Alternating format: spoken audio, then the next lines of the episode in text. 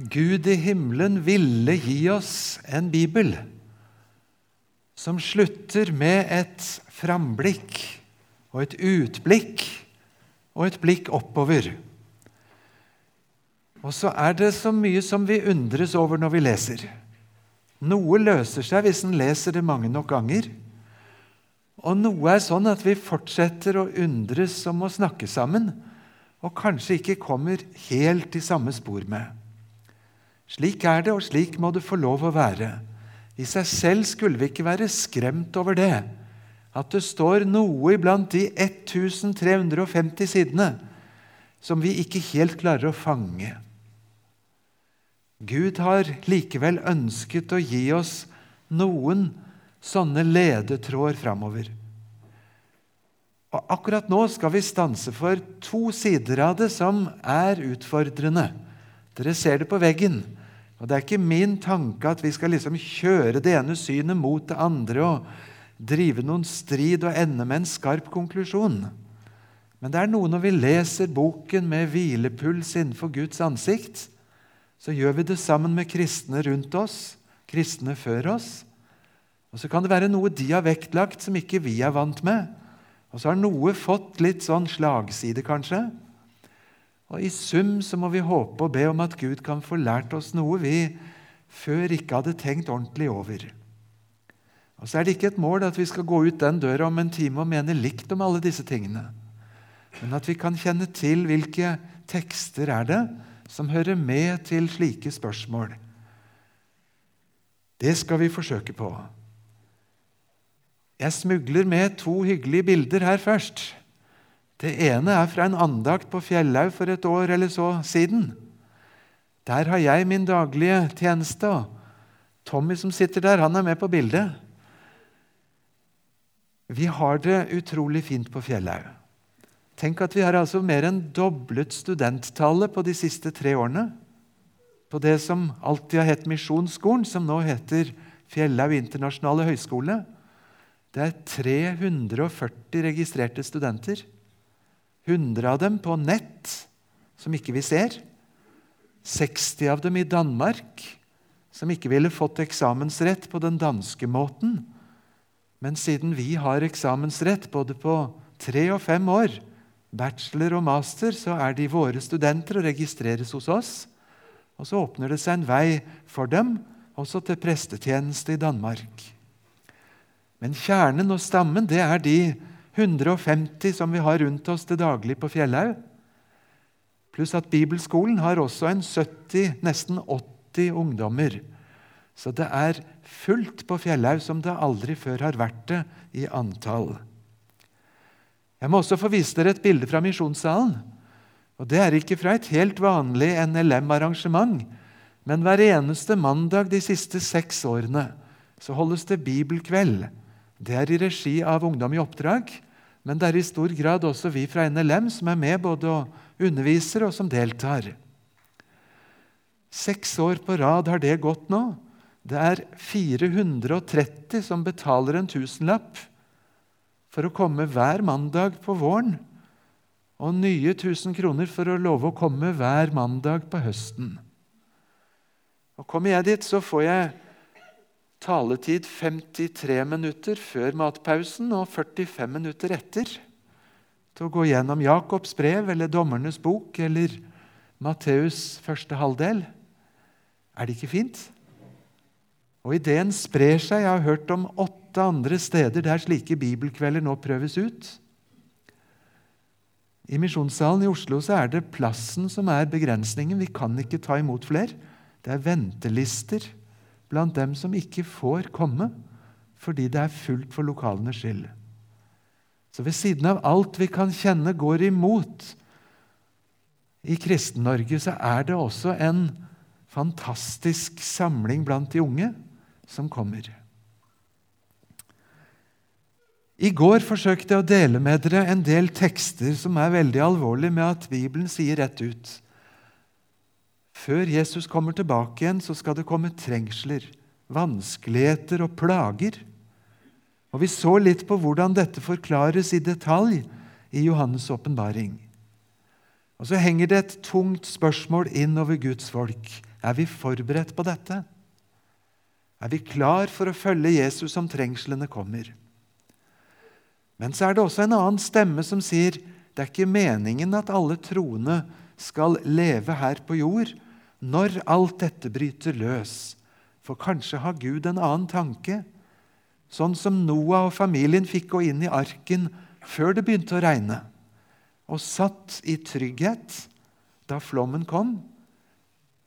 Så er det noen som tenker at Gud også har en plan om å evakuere de troende, slik at man slipper å være her midt i all trengselen når det skjer. Det spørsmålet skal vi overveie. Og Selve spørsmålet blir reist på en litt annen måte i Åpenbaringen 6. Etter å ha fortalt oss om de seks første seilene som brytes, så sitter enhver leser tilbake med en følelse Går det an at troende mennesker kan overleve alt dette? Spørsmålet lyder Hvem kan da bli stående når alt dette bryter løs? Og Så lyder det et underlig svar når du blar over i Johannes' åpenbaring kapittel 7. Svaret kommer først i form av en sånn hilsen til fire engler. Engler som er domsengler klar for å ramme jorden. Vent litt. Hvorfor det? Jo, vent, sier himmelen, til vi har fått satt Guds eget eiermerke på alle dem som skal beskyttes, som skal vernes. Og så får vi høre om engler som plasserer et seil i pannen eller i hånda på Guds folk. Siden så leser vi om at dyret Antikrist han prøver å herme. Og Han setter også et seil i panna på de som tilber ham. Men da er det ikke et sånt fornemt eiermerke eller seil. Dyret skal oppføre seg sånn som en røff bonde som setter et brennmerke i panna på kveget sitt, de som tilber dyret. Men før vi kommer dit, så hører vi altså at Gud sier, 'Vent med trengslene til vi har fått satt vårt seil og eiermerke' på dem som hører Gud til inn i trengslene. I Luther sin bibel, som så, har så mange spennende tegninger, så er det hele tegnet omtrent slik. En engel i forgrunn som setter et korsmerke i panna på troende mennesker som kneler. Mens de fire vindene de holdes tilbake til Gud har fullført. Og så er det altså ikke færre enn 144 000 som skal få dette eiermerket. Og Vi får høre hvordan det tallet er bygd opp. Det er 12 000 ifra hver av Israels tolv stammer. Og Det er jo da altså oldebarna til Abraham, barnebarna til Isak, de tolv sønnene til Jakob, stamfedrene til Israel. Ser du nøye på listen, så er det et par overraskelser. Det ene er rekkefølgen, som ikke svarer til alder på dem. Det andre er at det er en av de tolv som ikke er med her. Og det er Dans stamme. Men tolvtallet er i behold gjennom at Josefs stamme nevnes også etter en av sine sønner. Så blir det tolv ganger 12 000 er lik 144. Og Så må vi spørre oss her som så ofte ellers er tallene matematikk og bokstavelig. Er også disse tolv stammenavnene bokstavelig? er det ingen mulighet for at mer enn 12 000 av Judas stamme skal leve i trengselstiden og bli beskyttet? Eller er det tall som skal fortelle noe annet? Og Jeg skal ikke komme med noen konklusjon på det. Gud vet svaret. Men det er mange tall i åpenbaringen som kanskje signaliserer noe, uten at vi skal presse det helt opp i et hjørne. Et annet spennende spørsmål er om dette bokstavelig talt er mennesker av jødisk bakgrunn, eller om det er slik det ofte er i Nytestamentet, at virkeligheten beskrives med ord og uttrykk fra Det gamle testamentet, uten nødvendigvis å bokstavelig ha det innholdet. Det er et omstridt spørsmål. Men det større spørsmålet vi altså prøver å styre mot Skal Guds folk, skal de kristne, slippe endetidens trengsler? Skal de f.eks. merkes med et seil, sånn at de blir immune? Eller skal de evakueres så de slett ikke er her, eller på annen måte? Paulus skriver i 1. Tessaloniker et underlig vers i forbindelse med at Jesus skal komme. Da skal vi som lever, som er blitt tilbake sammen med dem, rykkes opp i skyer, opp i luften, for å møte Herren. Og så skal vi for alltid være sammen med Herren. Det står klart og tydelig i forbindelse med Jesu gjenkomst. Skal vi, altså de som bekjenner troen på Herren, de skal, når Jesus kommer, rykkes opp av denne verden, opp i luften, opp i skyen. Og fra da av skal de for alltid være med Herren. Og Så kommer begrepet bortrykkelse. Og Det er altså ikke et ord som mennesker eller teologer har funnet på for å mene noe spennende, men det er Bibelens eget uttrykk. Slik sett, enhver kristen som leser sin bibel, er kjent med at det kommer en bortrykkelse. Det er ikke et spørsmål om eller ikke. Spørsmålet er når, på hvilken måte, og kanskje nærmere hvem. Da Jesus talte om endetiden, så forteller han både i Matteus og Lukas om en plutselig hendelse. To menn skal være ute på marken. Den ene blir tatt med, den andre blir latt tilbake. To kvinner skal male sammen på kvernen. Den ene blir tatt med, den andre blir latt tilbake. Våg derfor, for dere vet ikke hva time Deres Herre kommer. Et veldig skille. Den ene er med, den andre er tilbake, som spalter ekteskap som spalter familier, arbeidsfellesskap. Og det hele skjer så plutselig, men ikke mer plutselig enn at vi får høre vi skal våke for å være rede. Hos Lukas står det om ektefolk som ligger i senga, og det står om to kvinner som maler på samme kvern her òg. Latt tilbake heter på engelsk 'left behind'. Og Det ble for 15 år siden en ganske kjent tittel på både en film og på en serie med romaner som ble utgitt i USA, som kombinerer noe bibelske uttrykk med litt Hollywood og litt science fiction og mye FN og oljekrise, politikk, og laga en spennende serie om nettopp dette at noen blir tilbake når andre løftes opp. Hvis jeg våger å lage en sånn pil på veggen, og jeg trives ganske dårlig med dem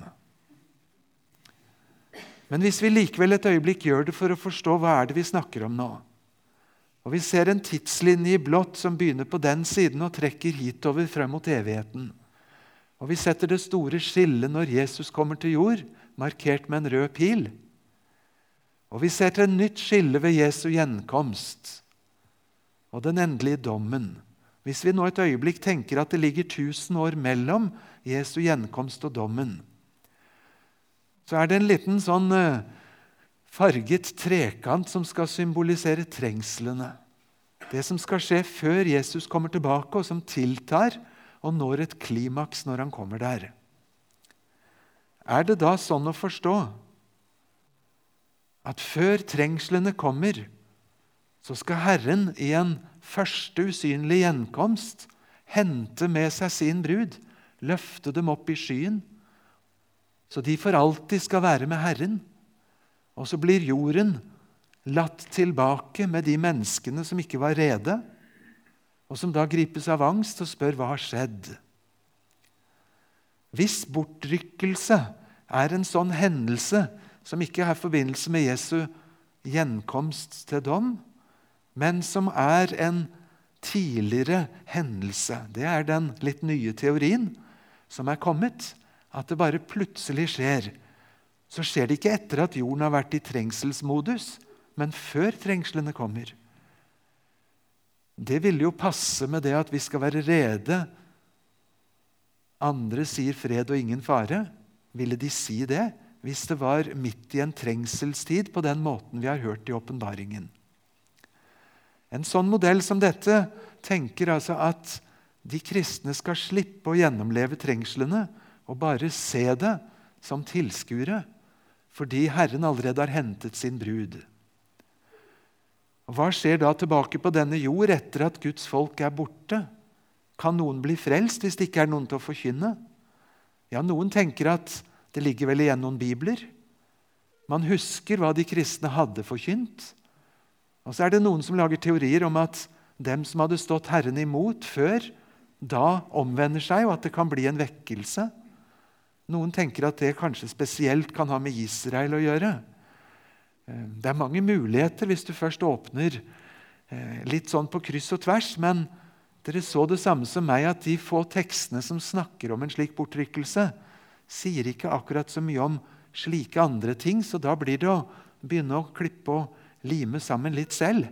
Det er en litt skummel måte å bruke bibeltekst på, som i hvert fall i mine øyne kan føre til ganske spesielle teorier. Og Snakker du med litt forskjellige som tenker sånn, så mener de kanskje dette også på litt forskjellig måte. Så her skilles en del veier. Er altså selve tanken på en sånn bortrykkelse en del av Bibelens svar. Men det er det som da drøftes. Jeg skal ikke forfølge spørsmålet så veldig, men gjentar et spørsmål jeg våget meg frem på i går. Hvis vi bruker resten av Bibelen som en peilepinn, har vi da en følelse av at Guds ledelse er å føre sitt folk utenom vanskene? Er det ikke heller slik at han lover å gå med gjennom vanskene. Har det vært slik gjennom frelsens historie i den gamle og nye pakt at Gud har evakuert sine? Ja, det har hendt han har gjort det, som ifra Sodoma Gomorra. Men det ser ut oftest til at han lover å være med gjennom det vanskelige uten å fri oss utenom. En annen side av dette spørsmålet det kan vi ikke gå så mye inn på. Men er f.eks. disse 144 000 som får dette merket i panna, er det uttrykk for de jødekristne?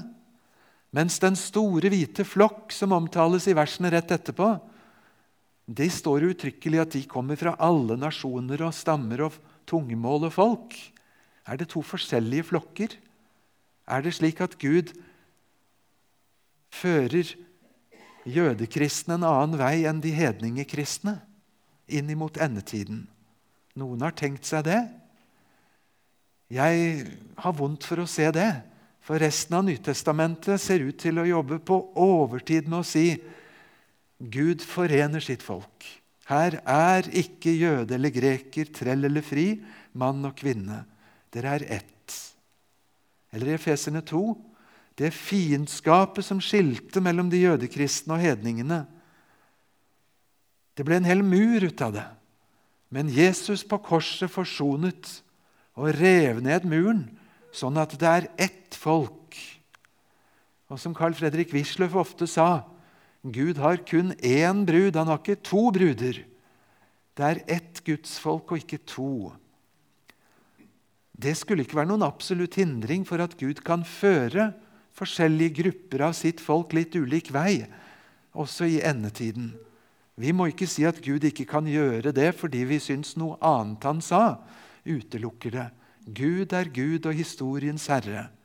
Men når vi spør ser det ut til å svare til slik Gud ellers håndterer sitt folk, så vil mitt svar være at nei, det ser ut som om nettopp de forskjellighetene ikke skal videreføres og forsterkes, men at han håndterer ett folk. Men hvilken vei Herren har tenkt dette, ligger i Hans hånd. Må ingen av oss opphøye oss til å skulle på noen måte fange Gud i systemer vi har laget teologisk til høyre eller venstre. Og la oss for all del, vi som er blitt mot naturens orden, podet inn i det sanne oljetreet, vi som kommer av hedningefolkene og som mot naturens orden, har fått bli en del av Guds folk. La oss aldri briske oss imot hverandre, men la oss ydmykt, sånn som Bibelen lærer det, få takke for vår del som vi har fått i det. Og la oss dele både med jøder og med alle av andre folk vitnesbyrd om Jesus, den eneste vei til frelse for ethvert menneske. Og la oss nettopp besinne oss på å gjøre det til jødene, til Israels folk, som Paulus sa. For jøde først, så for greker. Og så gikk han først til synagogen. Og så etter hvert så nådde han også de mange andre. Må vi aldri glemme dette først, som ligger der.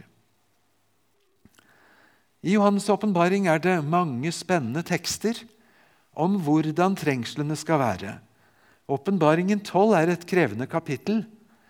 Der hører vi om en kvinne som føder et guttebarn. Og dette skjer i himmelen. Men det var ingen fredelig fødestue. For Satan selv i skikkelse av en drage sto like ved siden av, og han sto klar for å sluke dette guttebarnet. Og vi forstår guttebarnet er Jesus. Akkurat sånn som Herodes var på krigsstien mot Jesusbarnet. Slik får Johannes se at når det hele utspiller seg fra et himmelsk scenario, så er djevelen selv på jakt etter å knuse Jesusbarnet. Men så lykkes han ikke. Kvinnen klarer å føde det. Dragen Satan makter ikke å sluke det. Tvert imot så blir Satan kastet ut av himmelen fordi Gud selv ved sin engel, erkeengelen Mikael, tar djevelen ut av himmelen og kaster ham ut. Og Idet han kastes ut, så klarer dragen Satan med halen sin å dra med seg en tredjedel av alle stjernene fra himmelen pang ned på jorden.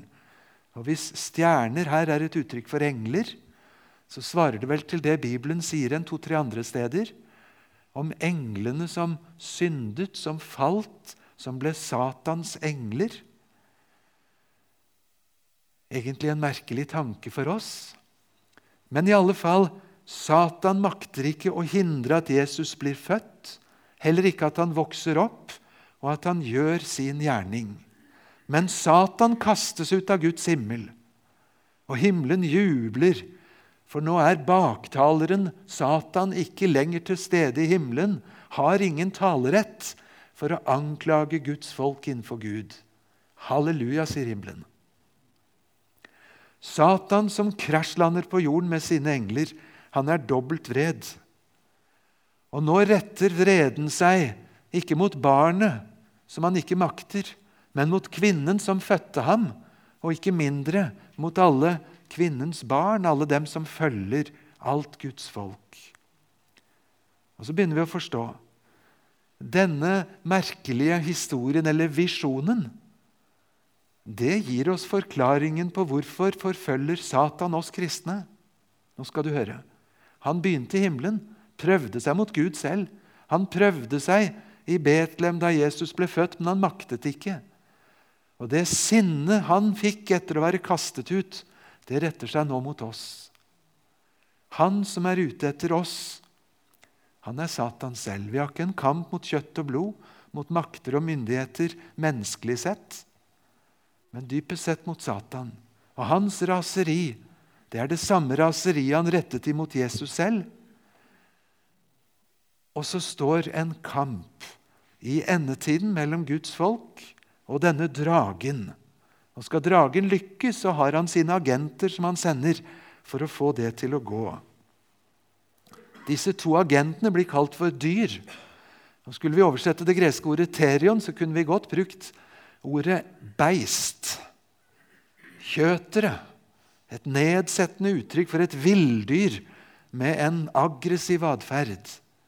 Det ene stiger opp av jorden, det andre stiger opp av havet litt hver sine roller, ettersom Satan designer det. I Luthers bibel så blir dette en ganske glorete tegning, hvor dragen forsøker å sluke barnet som kvinnen har født, med å spy ut en hel Amazonas for å skylle ham vekk, men makter det ikke. For oppe til høyre i bildet så ser vi engler som løfter Kristusbarnet bort ifra den trengsel hen imot Gud, som er mer enn klar for å ta imot fra sin trone. Vi er vant til å bruke uttrykket 'antikrist', og det er med god grunn. For på godt gresk så betyr 'anti' det betyr to ting. Det ene er det vi er vant med. Anti som mot, fiende. Men anti har en annen betydning også, og det er å være istedenfor. Og Derfor så passer det så altfor godt på dette sataniske endetidsdyret. Han er mot den virkelige Kristus, men så har han så lyst til å være en Kristus selv. Så han vil ha plassen til Kristus isteden. Han vil at alle skal tilbe ham som om det var han som var Kristus. Og så er ordet antikrist sånn dobbelthet mot den virkelige Kristus. Men han er misunnelig og har ambisjoner om å overta plassen hans. Og Det er jo ganske presist sånn Paulus forklarer dette syndens menneske i 2. Tessaloniker 2. Han står imot, men han opphøyer seg og utgir seg selv for å skulle være det. Han er imot Kristus, men han kommer også og vil være der i stedet for Kristus. Det er mange vonde navn på motstanderen. Antikrist, dyret, syndens menneske, fortapelsens sønn, lovløshetens hemmelighet, den lovløse. Går du på nettet, så kan du finne rikelig glorete illustrasjoner og tegninger. I Luthers bibel så ser det litt sånn ut som her. Vi ser et forferdelig dyr som stiger ut av havet. Det er Antikrist, med sju hoder og halser og masse horn, kroner på det. Men vi ser også et annet dyr som stiger ut av jorden, og som klarer å få ild til å falle ned fra himmelen. Han leker at han er Den hellige ånd som lager en pinseild. Og han tror han er en hellig ånd som kan skape et bilde som gjør at alle tilber Antikrist. Og så ser vi de skrekkslagne menneskene som ser på og lar seg både skremme og imponere i Luthers tegning. For Legger du sammen dette bildet, så blir det en troika på Satans side. Med djevelen selv, dragen, som har en agent som skal leke en slags Kristus, antikristus, og en slags vanhellige ånd som skal spille rollen av propagandaminister for at alle må tilbe Antikrist. I Åpenbaringen 16 så står de tre ved siden av hverandre. Og De blir så lekkert utstyrt som at ut av munnen deres så kommer det urene ånder som lignet padder. Kraftfulle begrep. Istedenfor ordet fra Guds munn, det rene og hellige, så stiger det ut av Satans munn og Antikrists ord og den falske profets munn bare urene padder som forpester verden rundt seg. Og så skal disse få en slags kontroll, ganske universelt, Ser dere her at Fire ganger etter hverandre så forteller åpenbaringen 13 at det ble gitt dem av Gud makten og muligheten til å gjøre sånn og sånn. Og Vi river oss i året og spør hvordan kan endetiden komme med at Gud selv gir Satan rett til å gjøre slik eller sånn? Ser dere til meg vers 7? Det ble gitt dette dyret å føre krig mot de hellige og å seire over dem. Da får jeg ikke følelsen av at Guds folk sitter trygt evakuert, men at de tvert imot, midt i den siste trengselstid, står der med Satan selv mot seg, som driver krig mot dem, og som ble gitt eller servert å gjøre det, og til og med å seire over dem. Ganske voldsomme uttrykk, dette. Det gir oss vel en følelse av at Guds folk nok skal få kjenne på prisen for å bekjenne Hans navn. Jeg skal ikke gå i detaljer med dette tallet 666, men det er altså her i Åpenbaringen 13 det står. Og eh, I forhold til syvtallet så forteller 666 om de som aldri nådde fram til Guds tall. De mislykkede. De som ikke makter til Gud makter. Men her fins det jammen mange teorier. Går du på nettet, så får du advarsler mot å bli lurt inn i bankkort eller datachipper eller eh, biometriske mål osv. Den tekniske utviklingen går fort. Og Det er godt at noen følger med, For vi vil jo slett ikke være innrullert på feil side. Og Samtidig så har vi vel ikke tilbedt Satan og Antikrist for å få verken bankkort eller lignende ordninger til nå. Noen gjetter at dette tallet 666 er en kodemåte å skrive at Nero er keiser. Skriver du det med hebraiske bokstaver, enda Johannes' åpenbaring er på gresk, så får du tallet til å gå opp. I hvert fall hvis du føyer til en lang vokal i navnet Nero, slik du vanligvis ikke gjør på hebraisk. Tellemåten er krevende.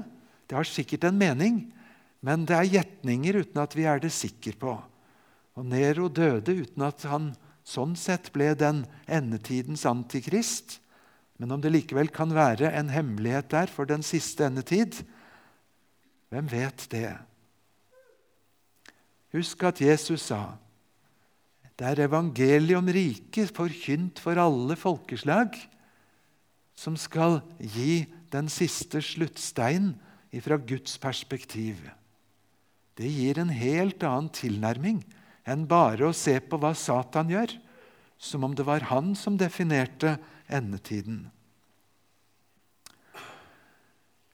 skal vi få gå et skritt videre og spørre om de nest siste ting. Særskilt dette med de tusen årene og Guds dom. Leser du andre del av Johannes' åpenbaring, så ser du hvordan Gud skritt for skritt strammer grepet.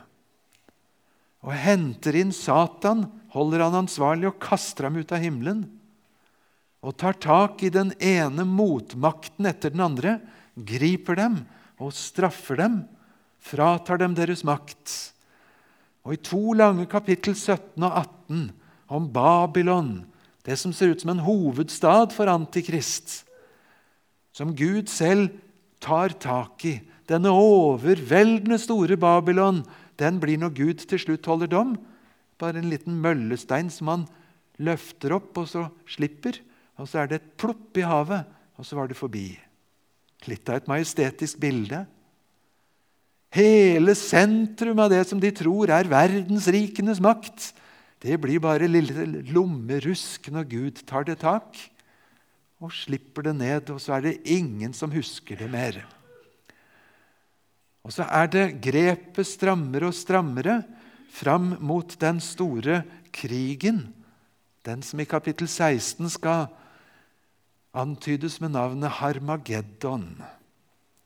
Før vi kommer så langt, så får vi også introdusert Jesu gjenkomst. Jesus som rytteren på den hvite hest, som følges av alle himmelens hærskarer. Dette skal vi stanse litt for på ungdomsmøtet etterpå. Og så skal Gud holde en dom over Antikrist og dyret, siden også etter 1000 år over Satan selv. Denne rytteren på den hvite hest det er altså Jesus. Og Han presenteres i Åpenbaringen 19 som rytteren på en hvit hest. Og så får han navnene trofast og sannferdig. Han dømmer, og han strider med rettferdighet. Øynene hans er som ildslur, på hodet er det rikelig med kroner. Og så har han en innskrift med et navn som ingen andre kjenner unntatt han selv. Men så har han en kledning. Har du tenkt over den kledningen? Den er dyppet i blod. Det er litt av et bilde. Ser du for deg en hvit brud i en hvit limousin på vei til kirke? Og Idet man åpner døren og ber bruden stige ut for å gå opp alteret, så ser du at brudekjolen drypper av rødt blod. Et ganske spesielt bilde.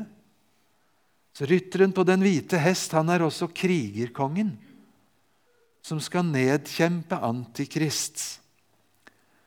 Og så fortelles det veldig dramatisk om hvordan den siste striden skal foregå når det er Jesus på den ene siden og Antikrist på den andre, med alle deres assistenter.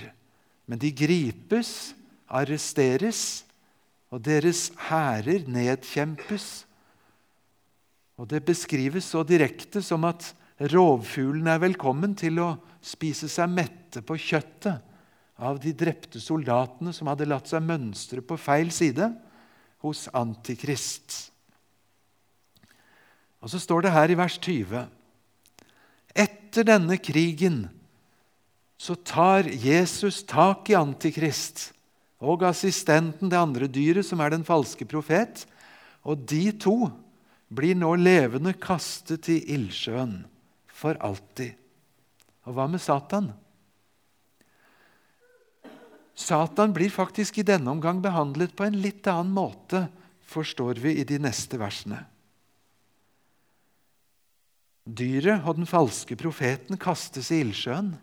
Det var slutten for deres del. Vi ser oppe til venstre i Luthers tegning her soldatene som kommer ifra krig, og de som er nedkjempet, og engelen som annonserer det hele over bildet. Men Satan selv han behandles bitte litt annerledes enn disse to dyrene sine. For han blir foreløpig bare satt i varetektsfengsel i 1000 år. Assistentene er for alltid kastet ildsjøen, men Satan arresteres og settes i varetekt i 1000 år. Og Det står at det var en mektig engel som plasserte ham i fengselet, og som låste igjen. Og der satt han. Og hensikten med å sette han der var at han ikke lenger skulle kunne forføre folkeslagene på jorden. Halleluja. Tenk på det.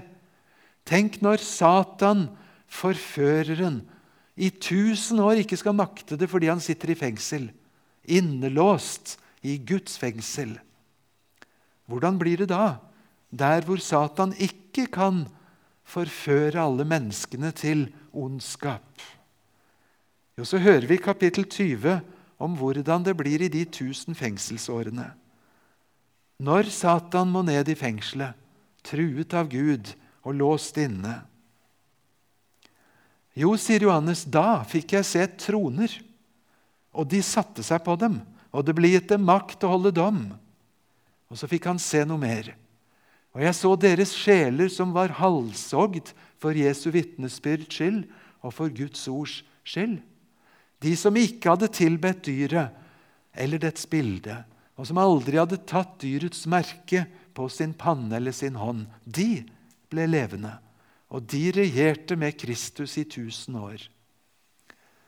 Hvem er det altså som troner og regjerer sammen med Jesus i de tusen årene når Satan er innestengt?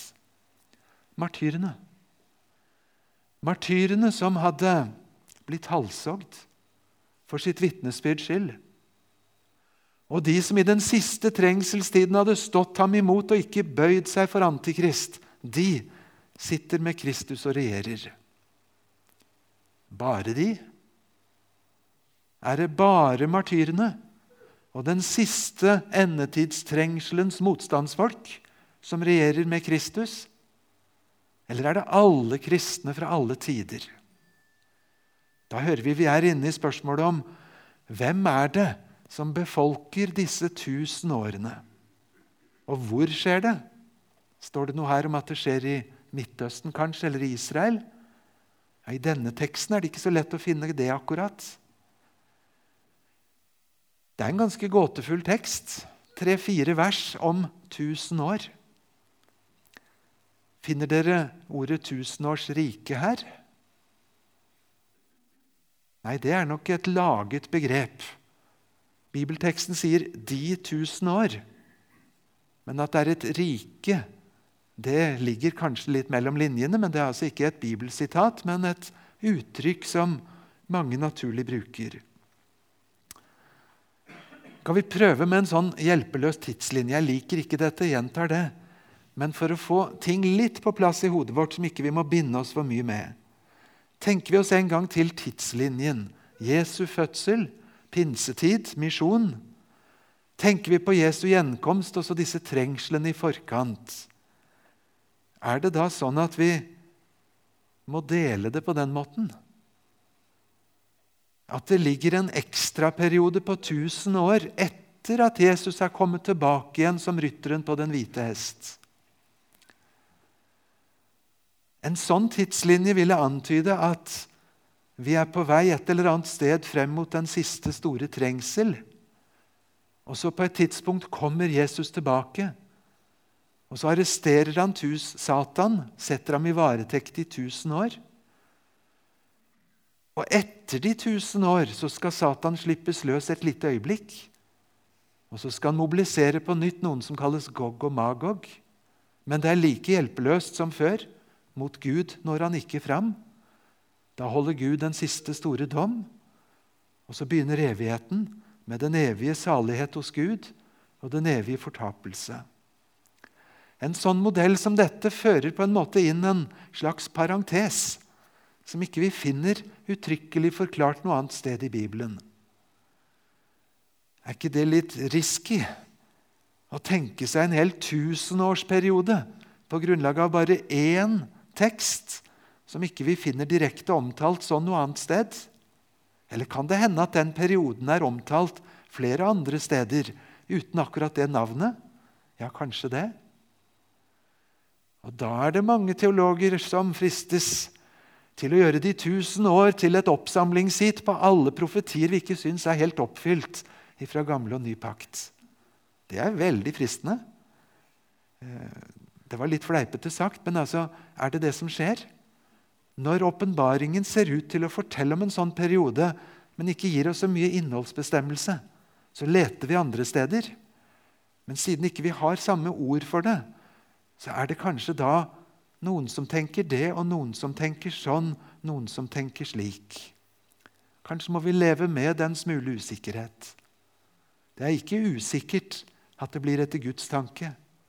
Det er ikke usikkert å stå på Jesus side om omstendighetene skifter brått.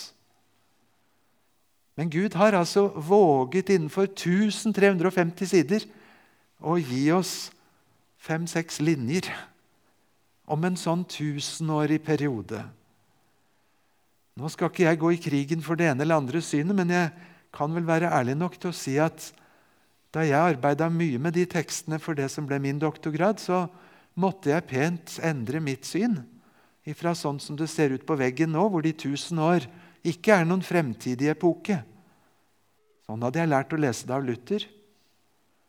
Til likevel å tro at det kanskje er en tusenårsfase som kommer etter Jesu gjenkomst. Jeg kan vanskelig forstå teksten i Åpenbaringen 20 annerledes, og samtidig jeg bøyer meg ganske dypt og sier dette våger jeg ikke å lage noen lære omkring. Gud er herre over sitt ord. Men hva er det han prøver å si? Før de tusen år så kastes Antikrist og en falske profet i ildsjøen, mens Satan bare arresteres. Og Så blir det et fredsrike Det er de som i endetidskampen ble martyrer, og i endetidskampen sto Satan imot, skulle få regjere med, tusen, med Kristus i tusen år. Og så når da de tusen år er omme, så blir Satan kastet dit hvor Antikrist og den falske profet allerede har vært i tusen år.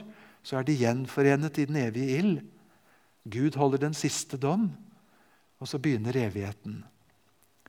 Kanskje er det sånn Gud har tenkt det. Han har gitt oss disse tekstene. La oss lese dem med respekt og ærbødighet for Gud, og med ettertanke nok, og sammen med andre troende som ser noe vi kanskje ikke har sett og finne en helhet og en balanse i Bibelen. Så var det noe med tyngdepunktet. Hvis Gud virkelig har snakka rett ut om det bare én gang, og snakket om mange andre sider av troens liv tusener av ganger, så kanskje ikke vi skal gjøre dette ene til så mye større enn det det er innenfor Bibelens kanon.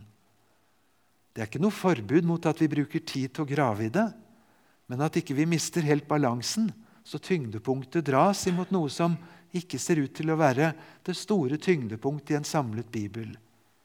Vi vil jo gjerne ha tyngdepunktet i båten så sentralt som råd, så båten kan nå gjennom alle sjøene og fram mot målet. Her er altså teksten som det hele handler om, fra Åpenbaringen 20, 1-6 eller 7. Jeg skal ikke lese den i sin helhet nå, men jeg prøvde å fremheve med rødt at selve uttrykket 'de tusen år' det står altså gjentatt seks ganger. Så selve tidsintervallet er ganske tydelig signalisert. Og igjen må vi spørre er det bokstavelig å forstå. Uansett så antyder det en lengre periode enn det vi så i går om en trengsel i ti dager. Eller at det ble stillhet i himmelen i en halv time, som det står. Og også de 42 månedene som Daniel skriver om, blir jo korte imot 1000 år. Så en eller annen lang tid ligger det vel i dette. Selve den tanken at troende skal sitte på troner sammen med Jesus og regjere, den finner vi to andre hint på i Johannes' åpenbaring. Det er i sendebrevene. Den som seirer, han skal Gud gi noen ting. Og dere ser hva som står. Han vil jeg gi makt over folkeslagene. Han skal styre dem med jernstav. Sitte med meg på min trone, liksom jeg har seiret. Og igjen så spør vi tør vi å pushe sånne tekster til å bli helt bokstavelige sånne regjeringsmakt. Gud vet hva han har tenkt å oppfylle sitt løfte med, men det er ganske uvanlige og sterke ord av at noen skal få regjere sammen med Kristus. Og Så ser dere at vi finner uttrykket 'den som seirer'. Det rare er at i Johannes' åpenbaring brukes det uttrykket ganske ofte om martyrene. En kristen som bekjenner Jesu navn, som presses av Satan bakover og bakover og står til slutt som en alene liten stakkar, og så drepes og halshogges og Satan og dyret triumferer. Hvem er det som har seiret da? Jo, den som seirer, det er faktisk den som ble drept. Merkelig uttrykk.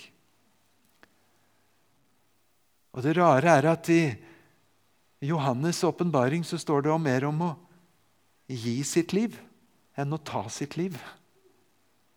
De har fått en seier, enda de så ut som de tapte. Kirkehistorikerne de undres over Tertulians uttrykk om at martyrenes blod ser ut til å være kirkens såkorn. Det er jo ikke helt sant, for såkornet det er Guds ord. Min kollega Arne Retze skriver det om og sier bibelsk skulle vi sagt at martyrenes blod gjør åkerjorda god, slik at såkornet kan gro. For ikke engang martyrenes heltedåd kan frelse noen. Det kan bare Guds ord. Men martyrenes heltedåd kan gjøre noe med åkerjorda og forberede menneskene å åpne øynene for en realitet som sprenger deres forståelse. Vi vet ikke hvordan Gud skal oppfylle alle disse løftene, men vi vet at Gud glemmer ikke sine løfter. Og så er det Han som er herre over oppfyllelsen, og ikke vi. Helt til slutt så står det da at når disse tusen år er slutt, da skal, eller det står på gresk, da må Satan løses. Da må Satan bli sluppet løs fra sitt fengsel. Og Så får vi ingen forklaring på hvorfor han må det, men det står det da. Og når Satan slipper ut etter 1000 års fangenskap, hvor mye har han da lært? Ingen verdens ting. Det første han prøver på, det er det som har mislykket alle ganger før. Og så mobiliserer han noen som kalles Gog og Magog. Og Det blir ikke forklart med noe annet uttrykk enn de som bor ved jordens fire hjørner, altså perifert ytterkanter. Men han klarer å få noen til å følge seg. Det er jo også litt gåtefullt. Hvem vil følge Satan etter å ha sett verden i tusen år med Kristus som regjerer, og ingen Satan som forfører? Straks han er tilbake, så er noen villige til å følge Satan Nytt stormløp mot den hellige stad, mot de helliges leir, den elskede stad.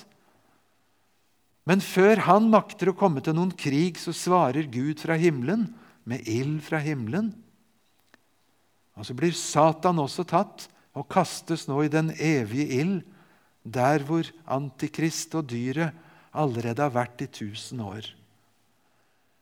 Og så er det ikke lenger noen motmakter som kan stå ham imot. Når du og jeg spør oss om alle disse tingene, om bortrykkelse de tusen år, og, og kanskje noen sitter litt sånn lamslått tilbake, de kristne er uenige, og det er mange syn, ja. Der ligger det meg på hjertet å si det avgjørende er ikke alle rundetidene på vei inn imot endetiden. Det avgjørende er hvilken side du og jeg står på. Det avgjør vår evighet. Om omstendighetene og sted og tid blir slik eller sånn, det vet vi ikke. Jeg har sagt dere det på forhånd, så dere skal tro det når det skjer. Så skal vi kjenne at alt oppfylles etter Herrens løfte, selv om vi på forhånd ikke hadde noe skjema helt klart. Men hvilken side du står på, det er nå og ikke etterpå at det kan endres. Og Det er Johannes' åpenbarings rop. Og det misjonsropet lyder helt til aller siste øyeblikk Kom ut av henne, mitt folk. Kom ut fra Babylon. La dere ikke assosiere med dem, så dere går under med dem. Så vi kommer på rett side. Det lyder veldig platt å låne Remas slagord. Men det er sluttsummen på kassalappen som teller. Det er hvilken side du står på med et navn i livets bok eller ikke. Det er det som avgjør evigheten. Og Så har altså Gud gitt oss en bok som letter litt på sløret om endetidens begivenheter. Vi leser og vi leser og vi leser igjen. Og Akkurat hva det betyr, kan vi undres over. Men det store bildet kjenner vi igjen. Ja, Jesus kommer. Han skal få siste ord. Motstanden blir stor, særlig i endetiden. Satan bruker list. Han truer. Han lokker. Noen går på limpinnen. Men dere Guds folk må ikke det. Dere må høre til med dem som følger lammet hvor det går. Om det så er inn i martyriet. Og martyrene, det var de som hadde seiret, for de hadde ikke sitt liv kjært, like til døden, men holdt fast ved vitnesbyrdet om Kristus. Der står din og min kamp, enten vi har fredstid eller endetid. Og Så må vi be særskilt for dem som står i trengsler i dag. Kanskje vi tenker på Nord-Korea, mange muslimske land, mange steder ikke vi er oppdatert om. Og Før vi tar en liten runde for eventuelle spørsmål eller innspill, så har jeg trang til at vi sammen skal rett og slett be til Gud. For det vi har prøvd å se litt på. For dem som kanskje tenker annerledes enn oss selv om dette. For vår vei inn imot enden, men først og fremst kanskje for dem som står midt i en trengsel i dag. God Gud, takk for hele Bibelen. Takk for løftene som drar oss inn imot seieren til slutt. Og så takker vi for fredstiden, der vi har anledning til å lese og dele det med hverandre. Nå ber vi til deg om at du må være vår talsmann, og at du må være den tolken som kan anvende Guds ord.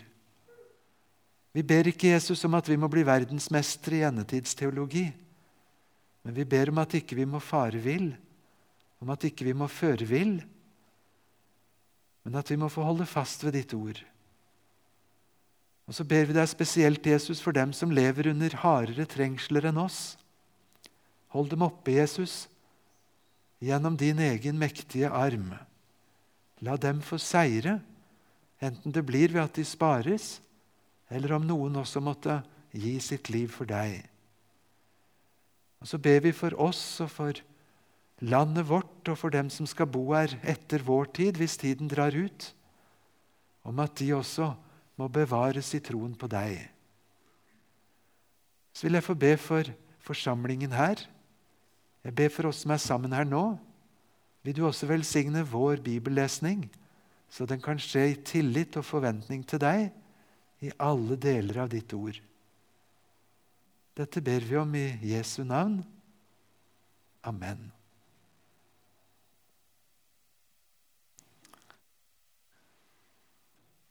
Nå skal jeg love å sette meg veldig fort og ikke snakke for mye. Det er et ungdomsmøte om en drøy halvtime. Men er det noen som sitter umiddelbart med et spørsmål eller et innspill som du brenner med, så må du så gjerne komme med det, og ellers ta det direkte med meg eller med andre rundt der anledningen er. Vær så god. Du får en mikrofon av Frank, så hører vi hva du tenker på. Kan du si noe om uh, de som er døde allerede, og de som er døde i troen på Jesus, og de som er døde uten troen på Jesus, eh, hvor kommer de inn i bildet i forbindelse med dommen, f.eks.? Ja, jeg har litt på hjertet om det og tenkte å, å begynne med det i morgen 12.45. For de som har anledning til å komme da. Det er eh, litt dårlig svar. Men å gi et 40 sekunders svar på et så stort spørsmål det ville være nesten et overgrep imot en så viktig sannhet. Den brenner for meg òg. De som er døde før oss. Takk for det, men ikke alle har anledning, så det er et dårlig svar. Men eh, det var det beste jeg maktet. Vær så god. Jødene har jo alltid venta på sin Messias. Skal ikke de få Messias da når Jesus kommer igjen? Og Da tenkte jeg han skulle bli deres, at, bli deres, at, han blir at, han, at Jesus regjerer fra, regjerer fra sentrum. Ja. Det må jo være Jerusalem. Mm. Det var en ting. Og så tenkte jeg på dette med når djevelen skal slippes løs i slutten av tusenårsriket. Da må det jo være på jorda. Han slipper aldri løs i himmelen. Mm. To gode momenter jødene venter på sin Messias. Jeg tror nok, Uten å nøle så vil jeg si at han kom til sine egne. Da Jesus kom julenatt, så kom han ikke til de hedningekristne, i betydning ikke til Israel. Hans komme ble ikke til frelse for flertallet i Israel ved den anledning. Eh, selve tanken på at når han kommer tilbake andre gang, så kommer han for å på en måte oppnå det han ikke oppnådde første gang overfor sitt folk. Jeg strever med å legge tanken helt inn i det. På den annen side, jeg ber som deg og alt Guds folk om at den dagen må komme da Israel, Guds folk, fra Abrahams utvelgelse og fram, skal ta imot ham ikke bare en og annen, men at det store treet, som Romerne 11 sier, skal få komme i, i blomst for ham. Om det skal skje før i trengselstid, eller om det er en egen plan som kommer etter de tusen år, det ligger i Guds hånd. Jeg våger ikke å, å gjette noe mer på det. Men at han kom til sine egne også første gang, det var alvorlig ment. Og han kom til frelse for dem. Ingen kommer til Faderen uten gjennom meg. Eh, det må stå fast for alt og alle, eh, sånn sett. Men et veldig godt poeng det neste du hadde, med at når det er fra jordens fire hjørner at Satan skal mobilisere, så må vel også de tusen år da ha utspilt seg på jord. Altså, grunnen til at jeg nevner en annen mulighet, er at det katolske synet er at de tusen år pågår nå i himmelen. Martyrene regjerer sammen med helgenene i himmelen nå. Det er en pågående hendelse nå. Til forskjell fra Luthers syn at Gud regjerer gjennom sin kirke på jord nå. Ikke med verdslig makt, men med åndens sverd.